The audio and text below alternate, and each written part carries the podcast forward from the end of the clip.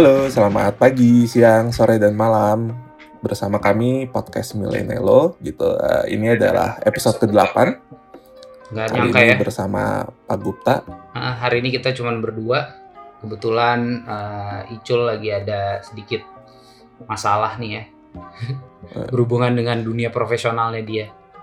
Betul sekali. Tapi bukan tentang Masara lagi ya dia. Nah, Tapi tetap bule-bule juga. Udah bukan ngurusin bule yang lain kalau sekarang. udah bukan bule sepak bola urusannya. Jadi gue kan waktu itu eh, upload tuh episode kita yang obrolin Masara di threadnya Milanis di Kaskus di Kaskus ya. Orang-orang kerame gitu. Wah, gue baru tahu nih Masara suka minum. Di Kaskus lumayan rame Andre. Ininya. Lumayan, maksudnya, lumayan rame. eh, maksudnya kita udah mulai masuk terdengar sama mereka gitu. Udah, gue udah upload satu episode di situ. Sekaligus gue perkenalin diri kayak ini lo alternatif lo kalau lo mau dengerin gitu selain yang lain. Terus gue sampai dapet cendol 50 Ya, itu banyak lah ya. Hmm. Terus orang-orang komen yang kayak jangan lupa upload hampir tiap minggu kan gitu. Jadi untuk Milanistik Kaskus, thank you banget udah dengerin, udah support gitu. Terima kasih banyak. Treat yang gue rajin Nggak posting nyangka. postingin di situ. Gue pun juga nggak nyangka waktu lo bilang pendengarnya ada 144 ya. Maksudnya ya ya tiga episode awal. hmm, tiga episode awal 144 buat gue tuh ya nggak tahu ya. buat orang yang ambisinya nggak terlalu besar sebenarnya untuk podcast ini karena memang untuk hobi aja eh, cukup mengejutkan sih 144 terus ada negara-negara di luar Indonesia itu yang cukup mengagetkan sih. Kalau yang real, apa Uni Emirat Arab itu teman gua ada Oeng lagi kerja di sana di Qatar jadi Ya. kontraktor di sana jadi shout out to Oeng thank you udah dengerin podcast kita Salam semoga kenal bisa buat menghibur temennya Andre. Siapa Oeng ya namanya? Iya. Salam kenal. Terima kasih. dan katanya ini lumayan mengobati kekangenan sama sama Indonesia katanya menurut gua apa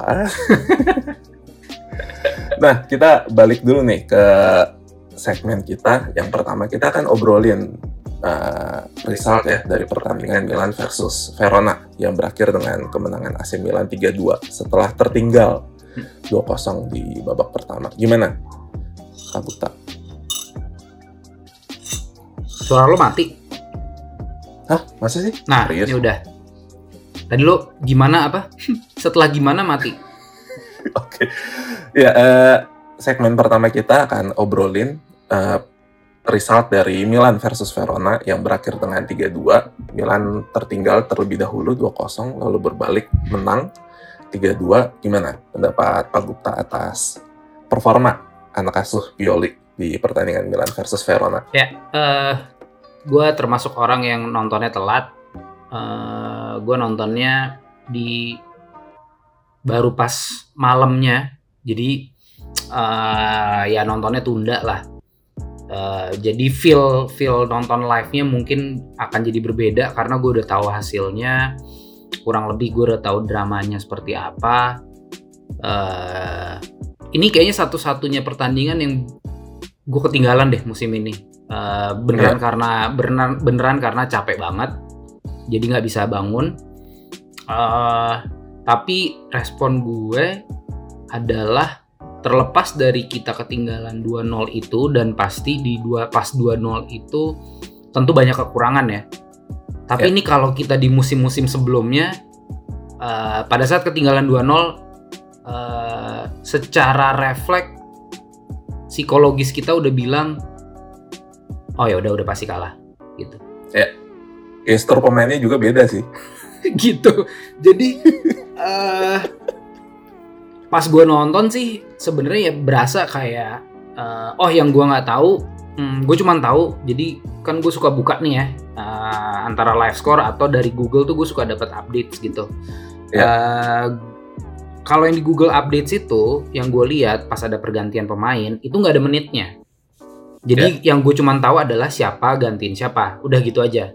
Ya. Pas gue nonton dan gue nggak tahu beritanya apa-apa, ternyata Rebic cedera kan. Itu pas Iya, nonton gue kayak, aduh gitu. ini mau nambah lagi nih gitu. Maksudnya memang gue udah dengar sebelum uh, sebelum pertandingan uh, Rebic dikabarkan kondisinya juga nggak fit. Betul. Jadi gue jadi gue sempet jadi gue sempet khawatir gitu ya. Terus uh, Leo masuk lumayan lah memberikan perubahan ya uh, seperti Ya. yang Leo lakukan uh, selama musim ini sejauh ini dia luar luar biasa banget. Uh, cuman ya memang kayak Giroud, kayak Calabria itu juga pada ke mainnya nggak bagus gitu menurut Ya. gue. Uh, cuman begitu masuk ke babak kedua, Giroud golin dari uh, Sundulan. liukan-liukannya Leao dulu Ya. tuh kan. Kemudian crossing dari uh, Leao dan disundul sama Giroud masuk. Uh, gue nggak ngebayang sih gimana rasanya kalau nonton live gitu. Karena karena gue udah tahu hasilnya kan jadi Ya. feel-nya udah beda ya. Cuman Hmm. tetap seneng gitu uh, liatnya. Karena gue sengaja gue nggak nonton highlights. Gue sengaja nggak Oh, nonton gue sengaja nggak nonton karena gue tahu oh oke gue mau nonton dulu gitu hmm, terus Menurut lo ada faktor ini gak sih kelelahan pertandingan internasional? iya dan ya Daniel Maldini kan juga sebenarnya nggak fit Ya. makanya dia juga mainnya juga nggak nggak nggak bagus lah di bawah pertama tuh Eh, ya internasional ngaruh banget sih internasional dan terus banyak cedera gitu kan Eh, Mike Maignan cedera dan Tata Rusanu yang eh, lumayan gue sempet takut ya. Ya. Sebenarnya penampilan cukup solid sih menurut gue. Gitu ya. Di babak pertama lumayan dia ada beberapa kali penyelamatan ya Ya. yang oke lah gitu. Walaupun memang nggak sesolid Magnan ya. Betul betul. Ya kita bisa lihat lah kayak eh, kalau nggak salah di babak kedua tuh sempet juga eh, Romagnoli yang ngambil goal kick. Walaupun itu di, Oh, di- oke. walaupun itu dioper ke ini ya, dioper ke Tata Rusano ya. Jadi kayak gue kadang eh, mungkin nih ada teman-teman di luar sana yang bisa jelasin konsep ngambil goal kick yang diambil sama center back tapi diopernya ke kiper. Kalau langsung tendang iya gue ngerti. Langsung Ya. tendang jauh ya. Mungkin ya ini ilmu sepak bola gue belum terlalu luas ya untuk masalah ini. Mungkin nanti ada teman-teman yang bisa bantuin gitu. Eh, tapi ya overall ya itu kayak kalau ini beberapa musim yang lalu rasanya kayak ya udah eh, kita kayaknya bakal kalah. Terus apa yang ditakutin sama beberapa orang dan termasuk gua ya eh, Iya. bahwa hmm, dengan hadirnya kembali tifosi ke stadion itu akan bikin eh, pemain-pemain Milan tuh lebih keder gitu. Tapi ternyata Ya. enggak tuh. Maksudnya Semangat semangat aja Iya, kemarin. makanya kayak pemain-pemain muda ini lumayan secara mental udah lumayan harden ya gitu kayak udah lumayan teruji ternyata gitu. Eh, soalnya gue gue sempet baca lah gitu. Eh, ya ini hmm, kita kan sempat punya masalah dengan pertandingan di kandang, terus eh, Ya. begitu penonton nggak ada kita bermain luar biasa. Nah ini ternyata penonton balik eh, ya Oke oke Tetap- aja mainnya. tetap tetap semangatnya luar biasa gitu dan dan tiga dua ini gue ngerasanya eh, ini agak-agak mirip sama waktu lawan Lazio waktu Oh, ya, yang maksudnya musim lalu ya. ah, ah, ah, ya 2020 eh, sebelum break eh, sebelum break eh, tahun baru Ya, sebelum break betul. Natal tahun baru Eh, ya walaupun mungkin ini rasanya lebih eh, lebih kuat karena ya itu banyak banyak banget pemain yang cedera gue ingat lah dulu waktu lawan Lazio terus eh, Theo Hernandez golin corner Injury time. injury time ya lompat gue gitu. Jadi itu sih yang yang yang mungkin bisa gue gua apa ya gue share gitu. Dan uh, Ben Haser luar biasa banget di babak kedua. Udah balik dia performanya menurut gue. iya Ben ya sekarang sih sebenarnya kal- kalau dilihat dari performa sebenarnya Benacer Tonali ya pantes ya kayak Ya. sih sebenarnya juga udah udah udah lumayan lagi lah gitu. Ya kan dia penalti akhirnya golin di depan di depan kurva sud lagi ya kan. Terakhir gagal lawan lawan La- lawan Lazio, ya. Lazio. Mm-mm, kena tiang.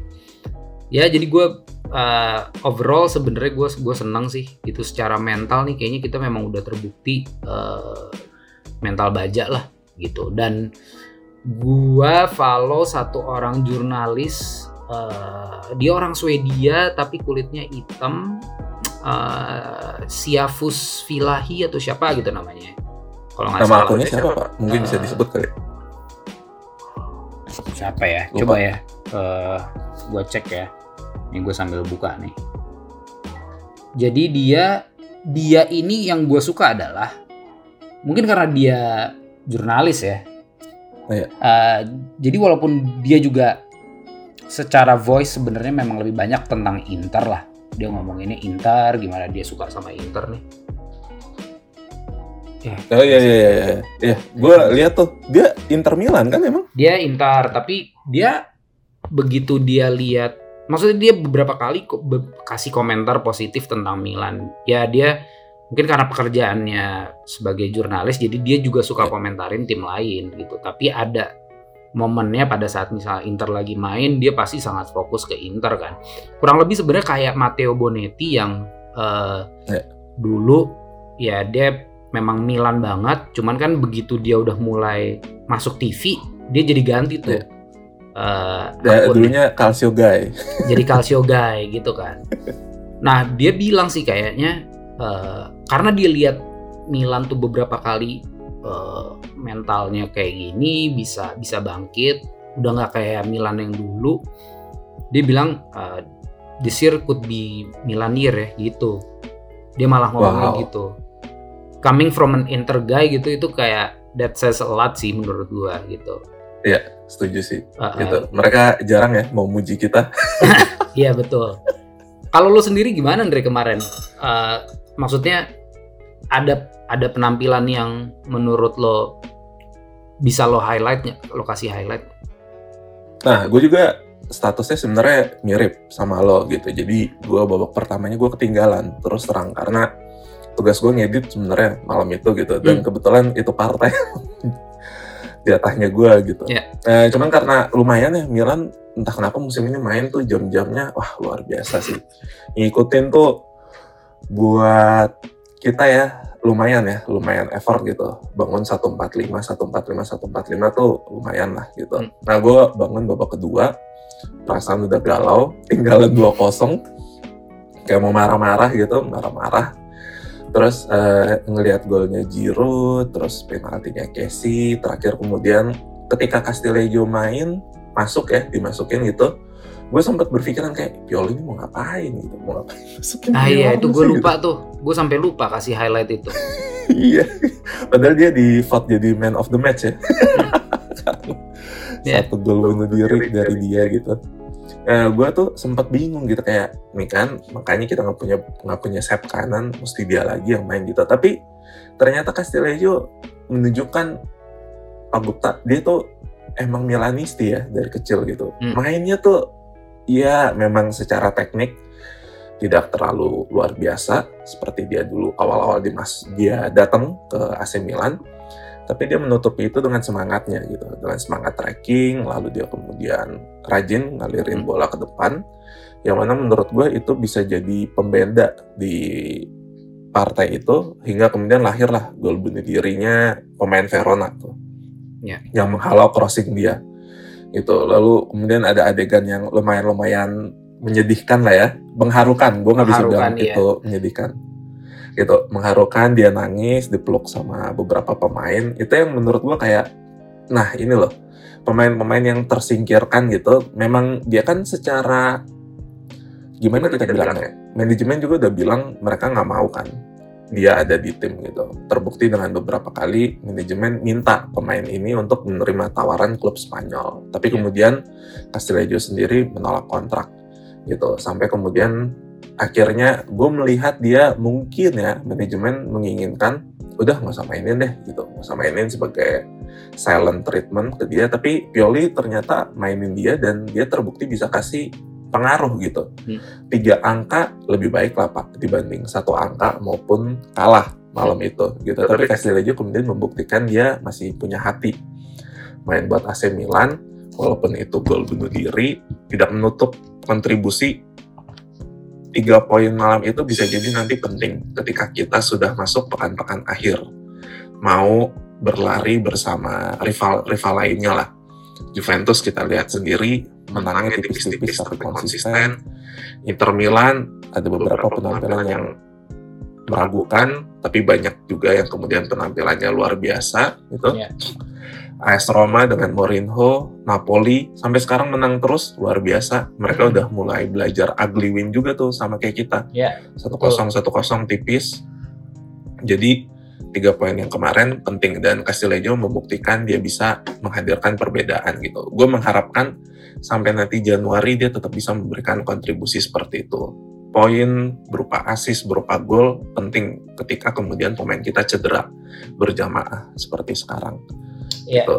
Kasih terus gue setuju sama lo Benacer tuh salah satu yang wow luar biasa ya gitu. Gue jadi melihat Benacer Tonali nih bisa sebenarnya ditandemin gitu. Kalau kita lihat uh, dulu Barcelona bisa main dengan Xavi dan Iniesta, Tonali dan Benacer tuh ya bisa lah sebenarnya seperti itu. Walaupun tetap menurut gue kita harus punya gelandang bertahan satu yang secara fisik bisa Benar. body balance orang, bisa body charge, bisa kemudian merebut bola, melakukan pekerjaan kotor untuk menemani mereka berdua ya. ya. Nah kalau menanggapi uh, masalah gelandang itu, gue rasa sebenarnya itu yang uh, diharapkan dari Bakayoko ya Ya. Itu sayangnya dia masih cedera. Cuman uh, terakhir gue baca dia udah mulai latihan bareng grup sih.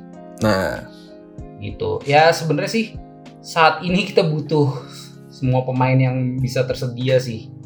Gitu. Iyalah, gitu. Penting tuh. Karena beberapa kali ya pelatih ngeluh gitu. Bukan cuma Pioli doang, tapi pelatih klub lain gitu. Kalau mereka cedera gimana mereka mau latihan gitu? Orang kalau lo 11 lawan 11 aja bisa kurang.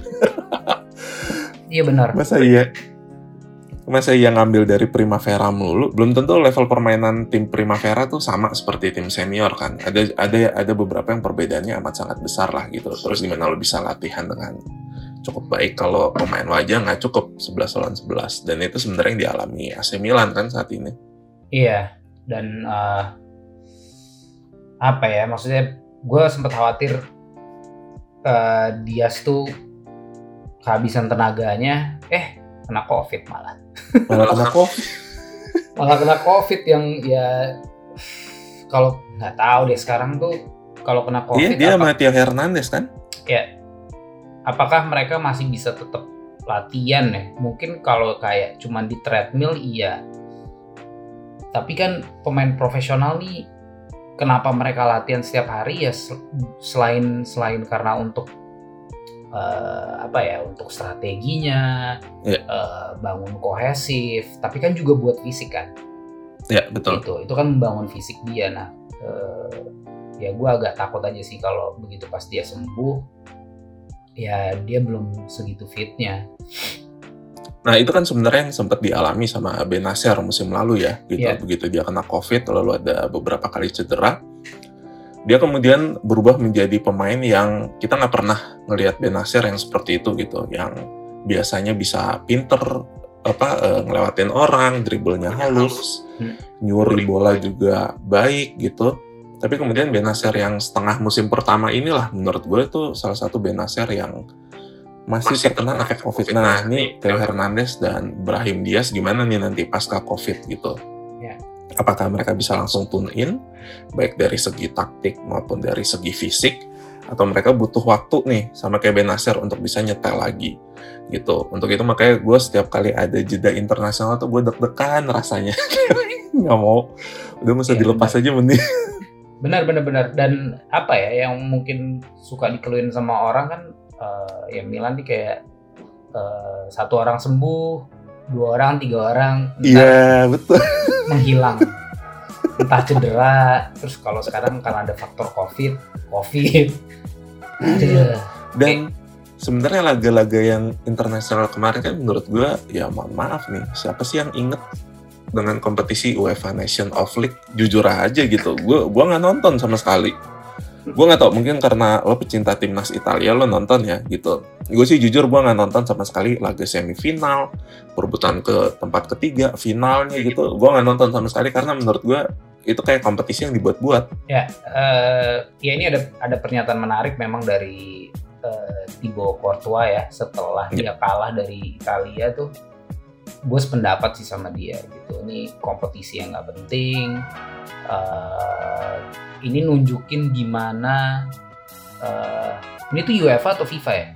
Kalau Nations League. UEFA. UEFA ya? Iya. nah eh, ya gimana UEFA tuh juga.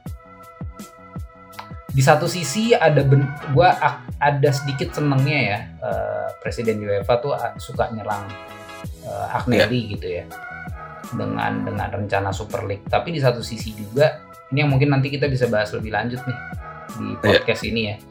Eh, masalah Super League gitu. Tapi satu sisi ya itu kayak UEFA Nations League kan sebenarnya seharusnya ini sesuatu yang diatur sama federasi negara masing-masing. Misalnya Ya, nih kita ambil. Kita ambil semifinal eh kita ambil eh kemarin aja misalnya Italia lawan Belgia gitu. Ini kan sesuatu yang bisa diatur entah sama FA-nya Italia atau Belgia gitu. Dan nanti uangnya ya buat mereka. Tapi ini kan sekarang dengan bikin kayak gini uangnya juga akan ke UEFA gitu. Nah, iya, Terus di mana itu yang sempat dipermasalahin kan yang waktu itu. Kok Donnarumma main lagi di San Siro? Ya nah itu juga bisa jadi bahasan tuh nanti tuh. Iya. Terus balik lagi, itu kan dia main di perebutan tempat ketiga, main di Iya. Juventus Stadium, mainnya baik-baik aja. Ya, gue bilang gimana? nah ya tapi bener kan maksudnya eh, Porto tuh mempermasalahkan buat apa ada perebutan juara ketiga Ya.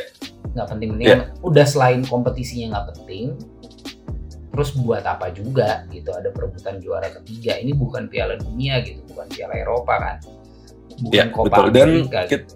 Dan masih ada beberapa mungkin orang yang sama kayak gue yang nggak peduli dengan UEFA Nation League gitu. Ketika ada pertandingan itu, ya udah nggak nonton juga anyway. Ketika nggak ada nonton, ketika ada nonton highlightnya juga nggak tertarik karena gue nyari juga kok nggak diposting di websitenya apa di YouTube channelnya Ya, UEFA gitu, gitu, mesti cari ke YouTube channel federasi masing-masing. Yang mana menurut gue mereka nguploadnya juga lumayan lama ya. Jadi ya udah, gue nggak lihat Theo Hernandez gelar pertama.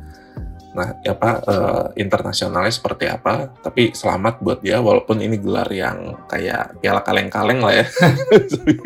Kalau gue sih gini liatnya, hmm, buat fans sama buat pemain eh, pada saat mereka juara, mereka pasti bangga, ya kan? Mau Ya. gimana pun lah. Eh, Sebenarnya ini friendly pun juga, misalnya ini cuman friendly gitu ya, nggak ada tajuk eh, Nations League, ya mereka menang pasti seneng kan? Ya. Jadi gua gua kalau ada orang yang senang, ya udah biarin tapi ya maksudnya menurut gue ini kompetisi nggak perlu gitu. Tapi Ya. kalau kayak misalnya nih dia dia orang dia orang Perancis gitu, ya, ya yang udah, juara lah ya. nikmatin aja gelar juaranya gitu. Mereka apa ya mau ada selebrasi gitu ya walaupun mungkin nggak akan sebesar kalau mereka juara uh, Euro gitu atau Piala Dunia gitu kan. Tapi buat gue pada saat orang Prancisnya gitu merayakan, oh ya udah gitu. Tapi ya tetap maksudnya kita harus lihat bahwa ya ini ada ada ada masalah lah di UEFA dengan gitu. ini ya, dengan penyel- dengan banyaknya laga internasional yang makin lama makin kebanyakan dan kerasa gitu. belum lagi gue sedikit kecewa gitu ya gue mungkin bukan fansnya bukan fansnya Arsene Wenger tapi gue cukup menghormati dia sebagai eh, pelatih Arsenal paling lama.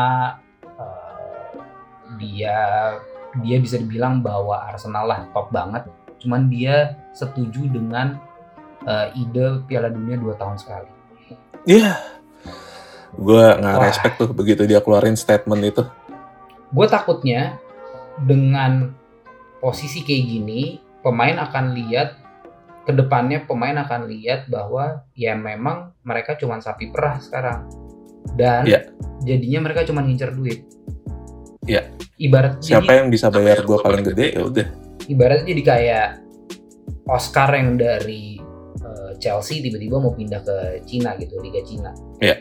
atau Carrasco gitu yang Ya sebenarnya Carrasco ya. ya sebenarnya ya secara usia masih bisa ber- eh, main di kompetisi yang tertinggi lah gitu masih bisa main di Liga Eropa eh, ya tiga lima besar lah liga di Betul, Eropa betul. gitu. Buat apa main ke sana? Gitu sih, itu sih. Ya ya nggak tahu lah ini gimana ke depannya karena jatuhnya nanti jangan-jangan untuk liga justru kita butuh pemain misalnya kan sekarang daftar kurang lebih 25 ya. Ya, betul. Daftar pemain inti itu 25, jangan-jangan perlu 30, perlu 35. Ya, karena mereka juga banyak main ya buat negara gitu. Tapi bagaimanapun juga kembali lagi ke segmen pertama kita. Hasil ini Milan versus Verona amat sangat positif ya menurut gue gitu. Di mana ada beberapa rival yang terjungkal Ya. atau bahkan tertahan, tapi kita tetap 3 point dengan tetangga kita kalah. nanti ada insiden gendong rumah gendong sahabat di kartu merah. Aduh. Gue lihat itu kayak ini eh apa tuh film Thailand horor yang ngeri banget. Shatter. Oh iya bener kayak Shutter tiba-tiba ada itu, ada gendong di belakang. Itu mereka tuh sahabatan kan ya? Kalau nggak salah. Iya, tapi eh secara konteks kayaknya eh walaupun mereka sahabatan, seharusnya mungkin mereka bisa lebih ke dia bisa ngerangkul kali ya. Lebih ke Ya, ngerangkul ketimbang kali. dia lompat ya. dia ngelompatin dan uh, secara gestur tuh ini sih menurut gue emang terlalu berlebihan gitu. Ya. Mungkin kalau setelah pertandingan mereka kelar mandi apa gitu terus ketemu di luar terus mereka kayak gitu nggak apa-apa. Ya maksudnya itu pertandingannya kan juga cukup ini ya eh, Cukup intens itu. ada cukup intens dan ya ada beberapa keputusan yang mungkin buat tim Inter kayak ini kontroversial gitu tapi gue Ya. sebenarnya setuju sama wasitnya bukan karena gue nggak suka Inter ya gitu Lah kan itu bolanya main ya. Kan habis itu Lotaro kan yang dribble pertama kali. betul betul jadi gue kalau gue liatnya memang pada saat si Di Marco jatuh eh, Lautaro tetap mainin kan. Tetap Ya. intensitasnya dia nyerang. Tapi kemudian dia bisa di stop bisa di Ya, intercept yang kerebut. di intercept dan terjadi counter attack akhirnya jadi gol. Iya kalau mau kan dari awal ya dia buang bola aja ya. Iya, kalau dia buang bola setidaknya eh, permainan akan dihentikan dan jadi lemparan ke dalam kan. Mereka bisa minta waktu untuk di Marco akhirnya dirawat atau gimana gitu. Tapi mereka mutusin main terus. Ya udah. jadi kan sama aja misalnya nih kalau nanti misalnya Lautaro nih tetap bawa bola oper sana oper sini tet tet tet, tet, tiba-tiba jadi gol ya kan mereka pasti nggak akan protes dong Ya iya, ini nggak jadi aja. gitu tapi ya gitu menyenangkan sih. Gue gue gue sempet gue sempet nonton eh, Napoli lawan Torino. Eh, babak satu gue nggak nonton babak kedua gue nonton eh, karena kenapa gue nonton? Karena gue lihat pas babak satu masih 0-0 gue tadinya mikir kayak ah ini Napoli dengan performanya kayaknya bisa 1-0 nih setidaknya babak satu gitu ternyata 0-0 ya udah deh babak dua gue nonton deh. Kenapa? Karena ya gue pengen eh, lihat Ngarep ya, Milan. ngarep Milan tetap di atas gitu kan. Dan eh, lumayan sih kayaknya 15 menit pertama di babak kedua tuh lumayan gencar Napoli sampai akhirnya Torino bisa sedikit mengimbangi eh defense-nya bagus. Cuman terus kebobolannya ya Osimen kayak semacam replika eh, Tomori waktu lawan Juventus, Juventus. tinggi banget lompatnya ya Iya. udahlah Dan dia dibeli lumayan mahal ya dari ternyata dari Liga Prancis iya dan, dan mm, apa dia tuh ini ya musim lalu kan karena cedera ya jadi Ya. eh, dia juga agak telat tuh cuman sekarang kayak lagi on fire sih Eh, wah gila. Gue lihat beberapa kali yang dia bangun serangan sendiri. Gue ngelihat kayak Ibrahimovic lagi prime time-nya Hmm. ketika dulu masih di Juventus ya sama di Barcelona gitu. Gue ngelihat kayak gitu tuh. dan tuh lumayan ya menyeramkan gitu. Nah, gue berharap sih sebenarnya nanti kita tuh ketemu Napoli di match di 18 Andre, 20 Desember. Ah, ya gue berharap kita kurang lebih sebenarnya inilah masih bisa jaga streak positifnya kita. Ya. Semoga Napoli bisa ada sedikit kecolongan. lah. Pleset sedikit. Kepleset. Ya nggak usah kalah deh, seri aja lah gitu. Iya, karena Ya kan? mereka menang-menang terus dan itu momentumnya luar biasa gitu. Orang tuh jadi ngelihat Napoli jadi something lah musim Iya. ini gitu. Bisa Iya. jadi mereka kuda hitam, either mereka memang penantang serius setelah nanti libur Natal, atau bisa jadi ini mereka masih performa sementara, nanti setelah libur Natal mereka akan kembali turun, ya kita nggak tahu. Tapi kalau melihat catatan menang terus sampai sekarang di lima besar Liga Eropa, cuman mereka yang menang terus. Tapi eh, iya benar, yang menang terus mereka. Tapi kita juga harus bangga di liga kita juga salah satu yang eh, Belum terkalahkan. belum terkalahkan. Kita Liverpool ya kan, ada Porto juga. Ya. Betul. Porto belum terkalahkan di liganya ya gitu. Eh, calon Nah, kita nih ke depannya. Ngomongin Porto sekaligus nih kita bridging ke segmen kita yang kedua. Preview versus Porto. Match week ketiga Liga Champion musim ini. Match Gimana nih? ketiga nih. Semoga nggak ada ulah-ulah wasit lagi lah ya gitu. Maksudnya lumayan Ya. melelahkan gitu lihat gimana kita main. Kita tandang ke Porto gitu. Iya, gimana kita mainnya udah bagus gitu ya. Kalau waktu lawan Liverpool sebenarnya seperti yang gua gue bilang ya gitu kayak itu pertandingan pertama dan kita main ke Anfield yang juga udah Ya. full. Jadi ya eh, sebenarnya yang gua gua tunggu lebih ke waktu di Liverpool tuh di Anfield eh, mental kita gimana sih ngadepin Hmm. The cop gitu. Yang ternyata kita kita bisa cope lah sama mereka bisa dibilang gitu. Eh, Ya. ya kita kalahnya tipis mainnya mainnya nggak nggak buruk gitu. Cuman yang waktu lawan Atletico itu sih yang bikin puyeng palanya. Gitu Ya semoga di Eh, match eh. ketiga ini nggak terulang ya. Penampilan-penampilan ceroboh gitu seperti harus diingat pelanggarannya ini beda. Ini Hmm. Liga Champions. Sekali lagi jangan kemudian tarik-tarik baju biar kartu kuning kartu kuning nggak penting. Ya ya kecuali memang perlu Gitu. gitu. Kecuali kalau ya mungkin dia mau cet hampir ya lolos bisa cetak gol ya terpaksa kan. Kadang-kadang ada yang ya namanya profesional ya profesional foul nggak masalah lah. Mm-mm.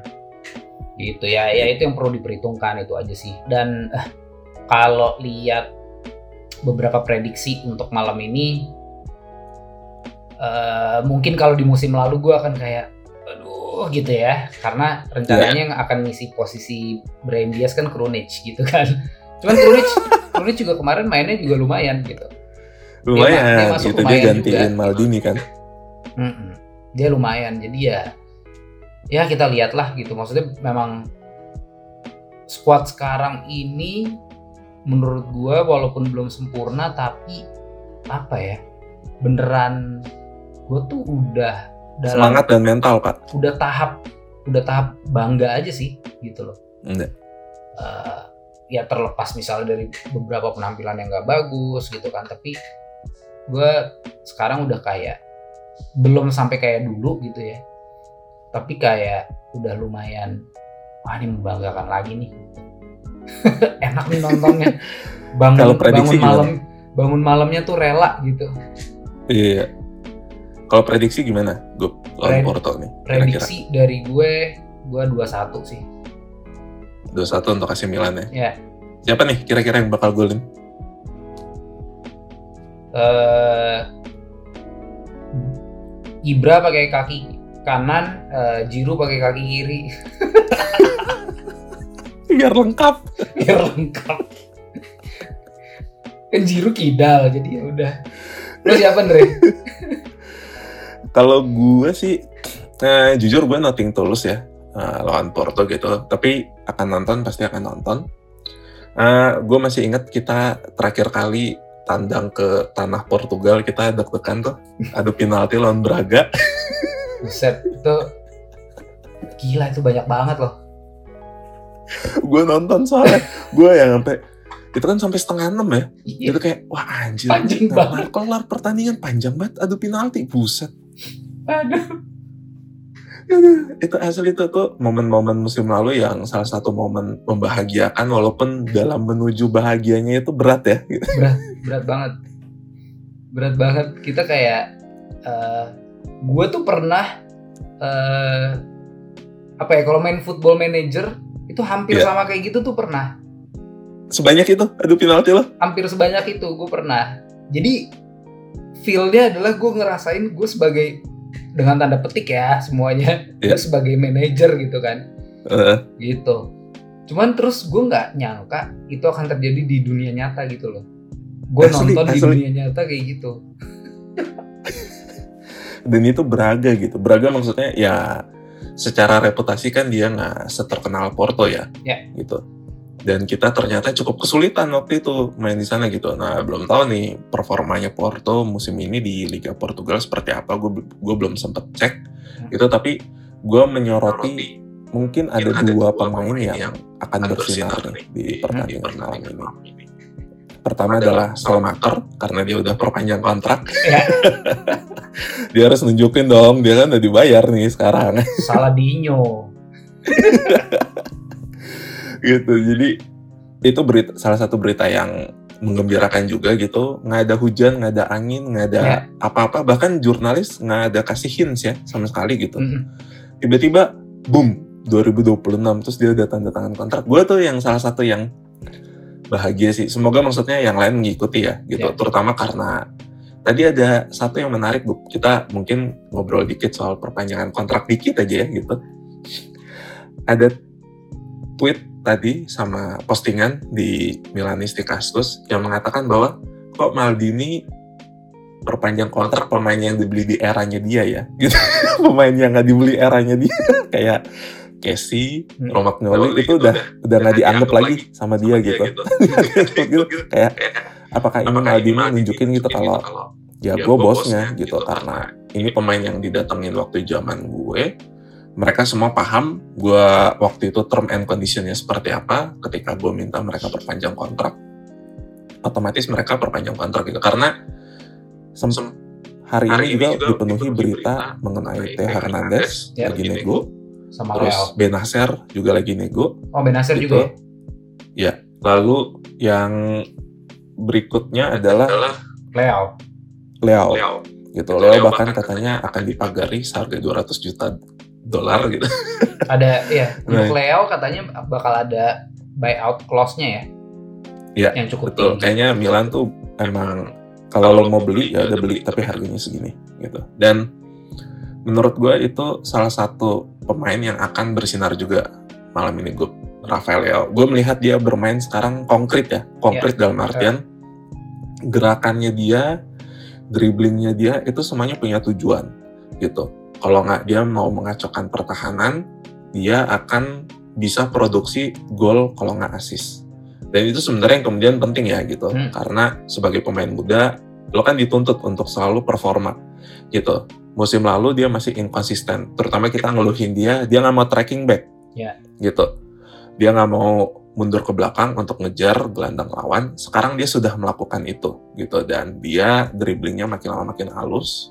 Gol Giroud kemarin dia juga crossingnya dari dia. Dia kalau gue lihat kaki kiri dan kaki kanannya hidup ya, yeah. gitu. Jadi dia nggak perlu seperti inverted winger yang harus nusuk ke dalam lalu bikin placing seperti El Sarawi zaman dulu gitu.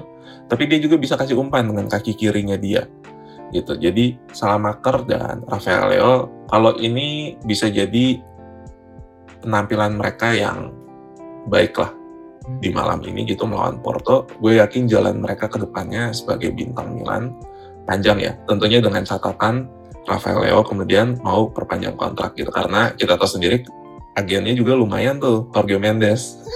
Iya iya iya. Ya Jorge Mendes tuh salah satu yang inilah ya sebenarnya uh, eh, gue cukup respect sih kalau Jorge Mendes ya uh, cukup punya selain kredibilitas tapi ya. dia buat gue beda lah sama yang satu lagi itu kan yang Fat Bastard itu gitu. Iya selalu cari masalah ya. Kalau Hargo Mendes tuh sepertinya suka ngegodain aja ya, ngegodain yeah. gitu, ngegodain yeah. klub lain gitu. Kayak ya transfer Ronaldo kan juga salah satu kreasinya dia ya, kalau kata orang-orang di luaran gitu. Bagaimana dia kemudian kirim rumor terlebih dahulu Cristiano Ronaldo mau tanda tangan kontrak sama Manchester City. ya, ya. Itu memancing klub lamanya untuk bereaksi ya kan. Iya. Tapi kalau tadi kalau tadi bahas ini ya, kalau pas tadi lu bahas uh, perpanjangan kontrak, uh, gue liatnya memang sebenarnya itu kebetulan sih. Kayak uh, kenapa Casey sama Romagnoli belum? Romagnoli sebenarnya sempat ada ini kan? Ya ini Ada isu. ini ada gue nggak tahu ini isunya Bener benar apa enggak ya, atau tapi- kayak lagi slow day uh, slow day on the news gitu terus tiba-tiba muncul berita bahwa dia ngomong ke Ray, Rayola bahwa ya dia maunya perpanjang kontrak. Kalau dia nggak nggak uh, jalanin tugasnya dia mau ganti agen gitu ya. Tapi itu kan Iya. sekali lagi cuman rumor ya. Kalau gue tetap lihatnya sebenarnya uh, bukan masalah bukan masalah pemain yang datang di era Maldini terus jadinya dia cuma fokus ke situ tapi kebetulan yang datang sebelum dia gitu pada bebel semua gitu itu aja sih Salmakers tuh ya eh, bahkan si eh, siapa Roberto Martinez ya pelatihnya Iya, Roberto. Martinez. ya dia bilang dia Pelatihnya Belgia kan. berkembang banget sejak main di Milan gitu dan dan ya dan ya memang dia membuktikan itu sih di, di timnas walaupun memang ya Belgia kan ini ya eh, salah satu klub apa salah satu negara yang cukup sering menghasilkan pemain-pemain berkualitas gitu kan Bahkan Salamaker sendiri kalau gue inget itu sampai jadinya bek kanan ya. Kalau main di timnas Belgia dia bukan gelandang kanan loh. ya dia suka jadi sayap sih gitu full apa wingback gitu, gitu kan gitu sih Eh, jadi kalau lo prediksinya yang golin Salamaker sama ini Leo atau Salamaker sama Leo. Kalau enggak mereka akan kirim asis ya untuk siapa pun striker yang dipasang di depan gitu. Karena gue nggak tahu, ya, gue kemarin ngelihat lawan Verona ada momen Ibra bisa main sama Ibrahimovic, ya. Gue eh sorry Ibrahimovic bisa main sama Giroud, ya. Gue seneng gitu. Tapi pola dua striker itu sudah lama lah ya ditinggalkan oleh sepak bola modern gitu. Kita kayaknya tim-tim yang main dengan dua striker itu siapa musim musim ini atau bahkan tiga musim terakhir gue jarang ngeliat gitu. Ya. Dan apalagi kemudian tipikal badannya sama gitu sama-sama jangkung, sama-sama tinggi gede. Walaupun Ibra memang lebih lincah ya untuk bola di kakinya dia gitu. Giroud bisa lebih striker tunggal. Tapi melihat itu gue nanti penasaran gitu taktik Pioli nih untuk Liga Champion ya. Mereka dia akan mainin Ibra atau dia akan gantiin dengan Giroud nanti gitu. Kalau- di babak hmm. kedua atau apa. kalau gue liatnya memang sebaiknya Giroud aja sih gitu karena Ibra kemarin baru masuk kurang lebih di menit 70-an ya. Iya. 70-an gitu kan. Jadi secara fitness juga belum lah kalau dia mau main full. Hmm, mungkin nanti di di di liga bisa ya. Eh, berikutnya Iya. kan kita lawan Bolonya. Gitu. Nah, itu mungkin dia bisa. Sekarang Giroud dulu lah gitu. Kemarin Iya, juga gue main main dua striker kan untuk- karena kita ngejar menang kan. Betul, dan Giro memang terbukti bisa main ya dengan penyerang-penyerang sayap Milan gitu. Iya. Even Leo sama Salamaker juga udah paham sih gaya mainnya Giro gue lihat. Gitu. Jadi kalau gue Salamaker dan Leo akan jadi pembeda malam ini, gue harap mereka bisa nyumbang assist atau gol 2-0 untuk AC Milan. Karena kita sebenarnya juga butuh selisih gol lumayan nih. Ya. Kemarin kan kalahnya tipis-tipis. kalau cuma menang tipis, nanti di akhir takutnya ketika posisinya ketat kita jangan sampai kita nggak lolos cuma gara-gara salah kalah selisih gol itu kan sesuatu yang menyebalkan ya Nanti di kandang 3 0 Re. amin amin amin Sekarang 2-1 dulu. Kalau gue kalau kalau gue 2-0 clean ya. sini gue ya gue Iya, emang. sama gue ngelihat Tata Rusano cukup solid sih pak gitu. Walaupun memang mungkin dia secara komunikasi ada yang berbeda ada yang membedakannya dengan Mac Magnon gitu. Dan secara tipi, tipikal permainan. Gue sempat baca ada ulasan yang menarik ya gitu. Karena apa yang membuat Milan banyak clean sheet musim ini adalah tim lawan ragu mau menyerang begitu mereka menyerang dan menempatkan pemain mereka lebih banyak di pertahanan Milan Mike Magnan bisa menyerang mereka dengan long pass-nya Hmm. gitu Hmm. distribusinya naik Mike Magnan tuh dianggap udah jadi senjata utamanya Milan nih musim ini Ya. gitu dan itu banyak yang bikin tim-tim lawan jadi ragu sebenarnya mereka mau nyerang secara full, takutnya nanti mereka diserang dengan long pass-nya Mike Magnan, mereka udah kena serangan balik. Hmm. Gitu.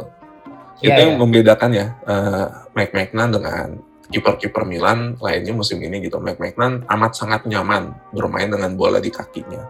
Gitu dan itu sesuatu yang sudah lama banget kita nggak pernah punya yang kayak gitu. Ya, benar. gitu. Benar, Apa benar. dia bisa dibilang selevel Neuer? Ya menurut gua untuk ukuran Liga Italia nggak ada kiper yang seperti dia sekarang ini. Ya, dan dia juga beberapa kali kita lihat videonya suka maju hampir ke tengah lapangan tuh. Walaupun tuh Iya. pasti gimana ya? Kalau kita nonton di TV eh, kita nggak lihat full lapangan kan. Ya betul. Orang yang di stadion tuh yang deg-degan sih. jadi gue Pasti kerasa ngapain maju gitu mundur sana. jadi gue sebagai eh, fan kelas eh, TV aja gitu Iya. bersyukur gitu. Kalau yang sampai harus datang ke stadion dan lihat dia maju deg-degan gitu kan. Mungkin kayak fansnya Bayern Munchen udah biasa gitu udah nonton Udah biasa Iya tuh kan, ngelihat Mike Neuer itu setengah lapangan dia cover sendiri gitu. Oh, Iya. itu luar biasa sih. ya gue sih Gitu. akan gue sih jujur aja gue akan stres sih kalau gue nonton secara langsung ya kalau lihat dia Tapi maju lebih stresan dengan performa tim medis AC Milan lah ya musim ini. aduh itu bener-bener deh puyeng itu yang ada cerita menarik ya mungkin sebelum kita tutup nih Ya. Pak. Ternyata katanya ya, gue nggak tahu ya, tapi nanti mungkin bisa kita konfirmasi. Cederanya Mike Magnan itu pertama kali disadari oleh timnas Prancis, tim medisnya. Hmm. Gitu, jadi dia dalam satu sesi latihan ngerasa nggak nyaman di satu gerakan, terus dia ngomong, gue ke nggak enak nih gitu nyelamatin penyelamatan ini, terus diperiksa, ketahuan. Lah, terus dalam hati gue, ini orang udah main di AC Milan berapa pekan awal gitu. Ini kan udah pekan ke-8 gitu. Tujuh pertandingan sebelumnya gimana sih rasanya? Apa dia nggak ngerasain atau dia ngeluh tapi kemudian nggak ditanggepin? Kan bingung juga. nanti silakan ya kalau ada yang mau komentar tapi gue tuh pernah denger ini kalau nggak salah waktu mau lawan Atalanta atau apa gitu Andre jadi sebenarnya dia Ya. udah ngeluhnya tuh kalau nggak salah dari Atalanta atau Spezia Oh, gitu Oke, yang kita menang 3-2 ya. Ya, gue tuh eh, jadi intinya adalah waktu itu udah ada kemungkinan dia nggak main. Ya, gue denger dengar. juga tuh, memang benar. Nah jadi eh, kayaknya ini memang udah bawaan.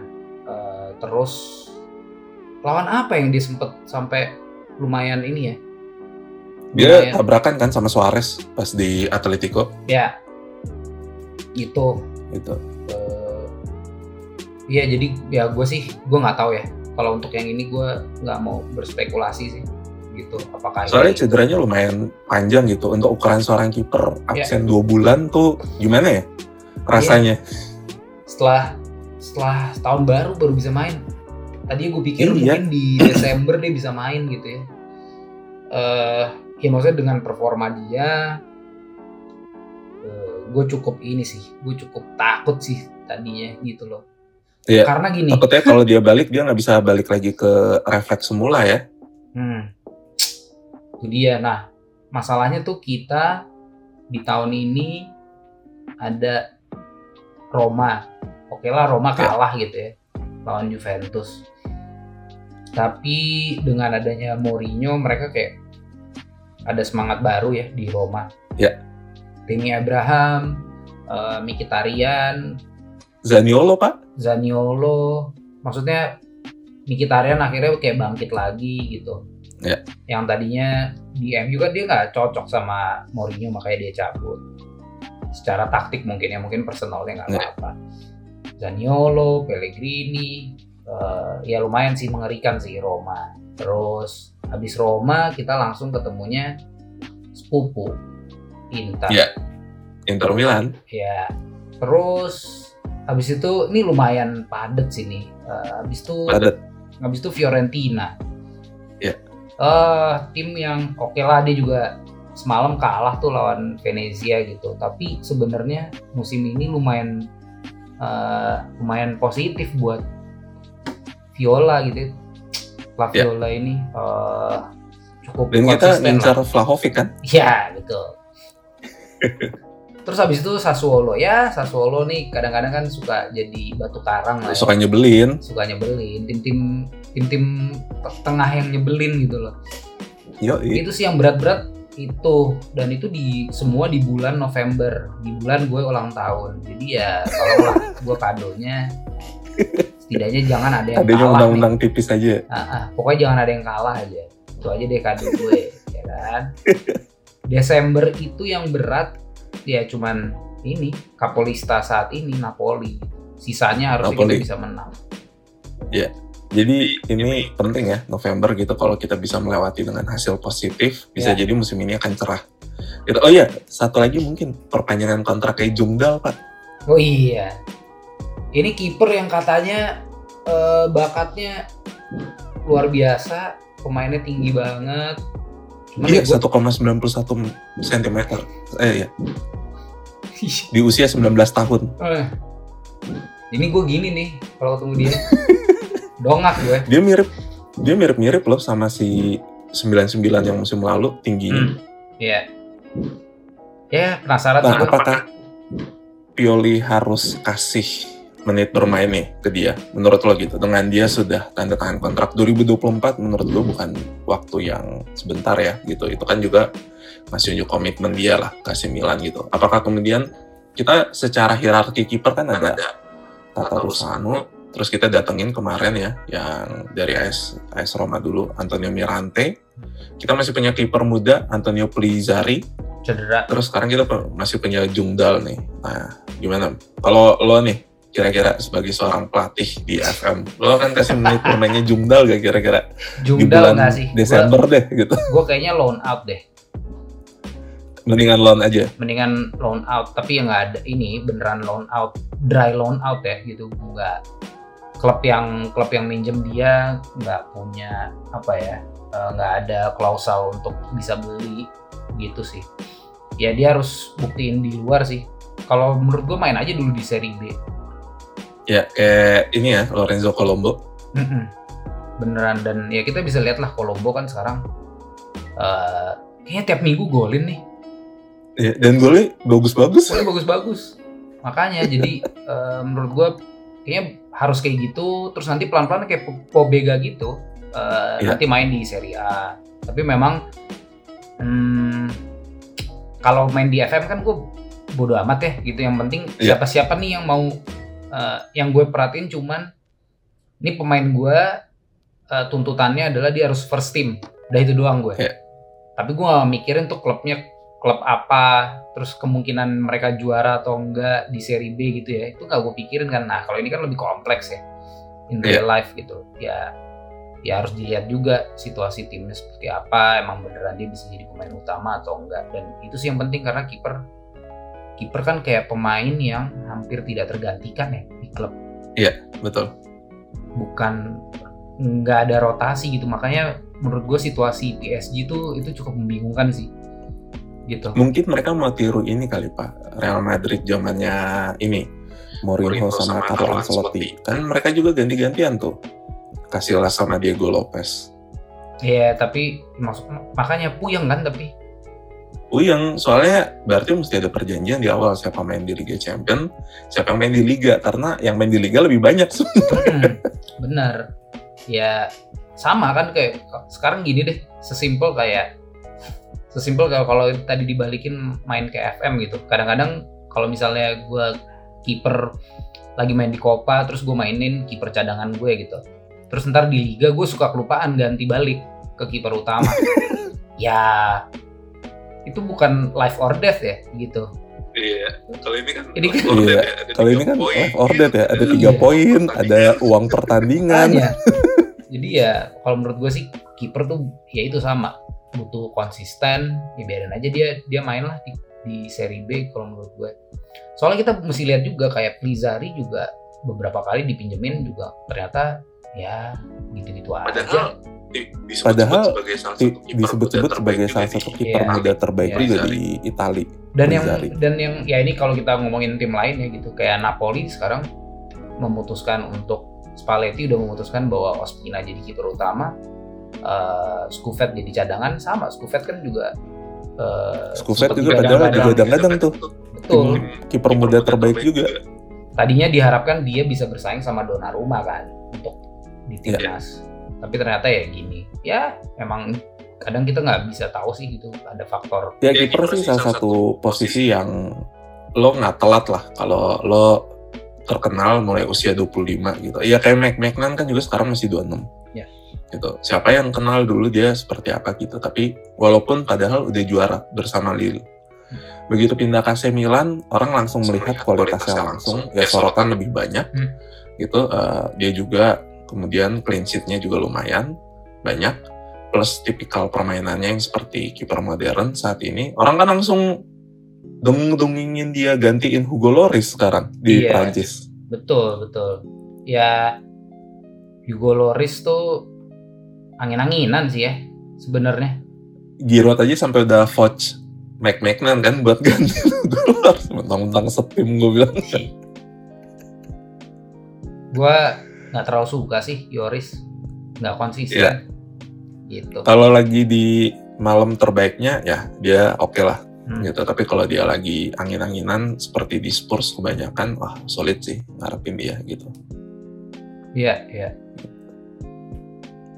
Kayaknya malam Oke. Ah, oke. Sip. Kita udah dua segmen. Pertama kita obrolin tadi gimana result Milan versus Vero- Verona plus efeknya ke perjalanan AC Milan musim ini.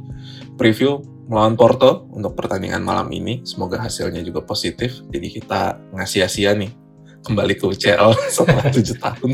Iya, benar. Yang Nanti yang ada lagi nih petinggi klub yang marah-marah kalau kalau kalah. benar benar benar. Pokoknya ya itu sih kalau dari apa yang gue bilang di WhatsApp aja, Andre.